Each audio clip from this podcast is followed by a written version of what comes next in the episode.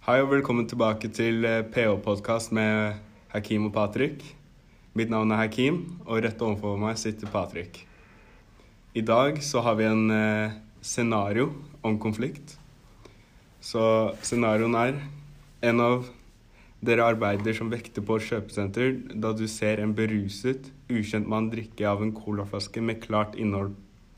Du vil få ham ut av kjøpesenteret, men helst uten at det oppstår konflikt. Diskuter hva som er lurt å gjøre. Og, og rett før utgangsdøra stopper mannen og sier 'Jeg skal ikke ut'. Hva gjør du? Bruk konfliktsløsningsmodellen. Ja. Så For det første så så du han drikke av en colaflaske med klart innhold. Ja. Da er det jo eh, Hvis, hvis du er en vekter, hvordan hadde du tolka det? Hadde du trodd at det var eh, alkohol? Jeg hadde jo først da Jeg hadde jo da først sett på kanskje holdningen til denne personen, da.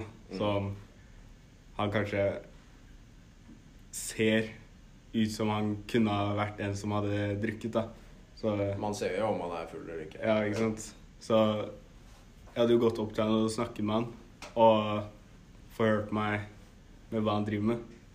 Og så Det er jo Jeg vil jo si at det er ganske Du ser jo ganske tydelig om eh, når du går opp til han om det er eh, alkohol oppi der eller ikke. Mm. Så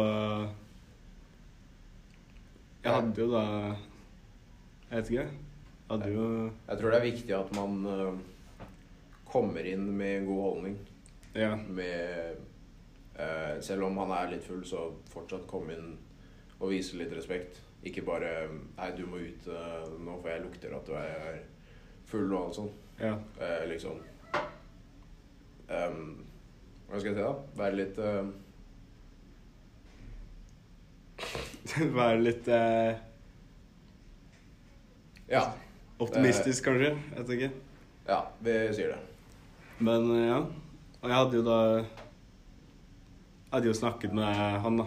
Og sagt Forklart han hvorfor han ikke kan være her. Og, Mm. og si at Jeg hadde først spurt han sånn Kan du vennligst bli med ut av senteret, da, for eksempel? Mm. Ja, på en hyggelig og respektfull måte. På en hyggelig måte. Ja. Og så I scenarioen så sier du at han eh, nekter, da. Når han kommer til døra, eller eh, Ja, da ja. sier han 'jeg skal ikke ut'. Og da hadde jo det ført til at eh, jeg kan ikke fortsette med den hyggelige tonen hvis den ikke kommer meg noe lenger Mm. enn det har kommet meg hittil. da. Så da hadde jeg begynt å sagt at det blir jo konsekvenser for han hvis han ikke skjerper seg. Mm.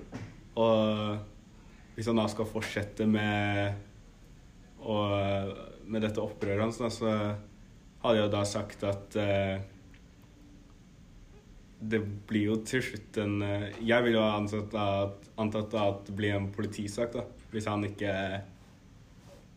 uh, fortsetter. Jeg har ikke greie på vekter, men, uh, men det er det jeg ville ha trodd, da. Så jeg hadde jo prøvd i starten å være så lenge jeg kunne være snill og hyggelig og Mm. respektert han. Ja.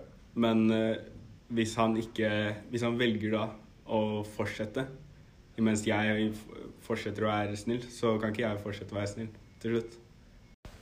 Uh, ja, det finnes uh, modeller for konflikthåndtering, og et av de uh, er autoritære konfliktløsningsmodellen.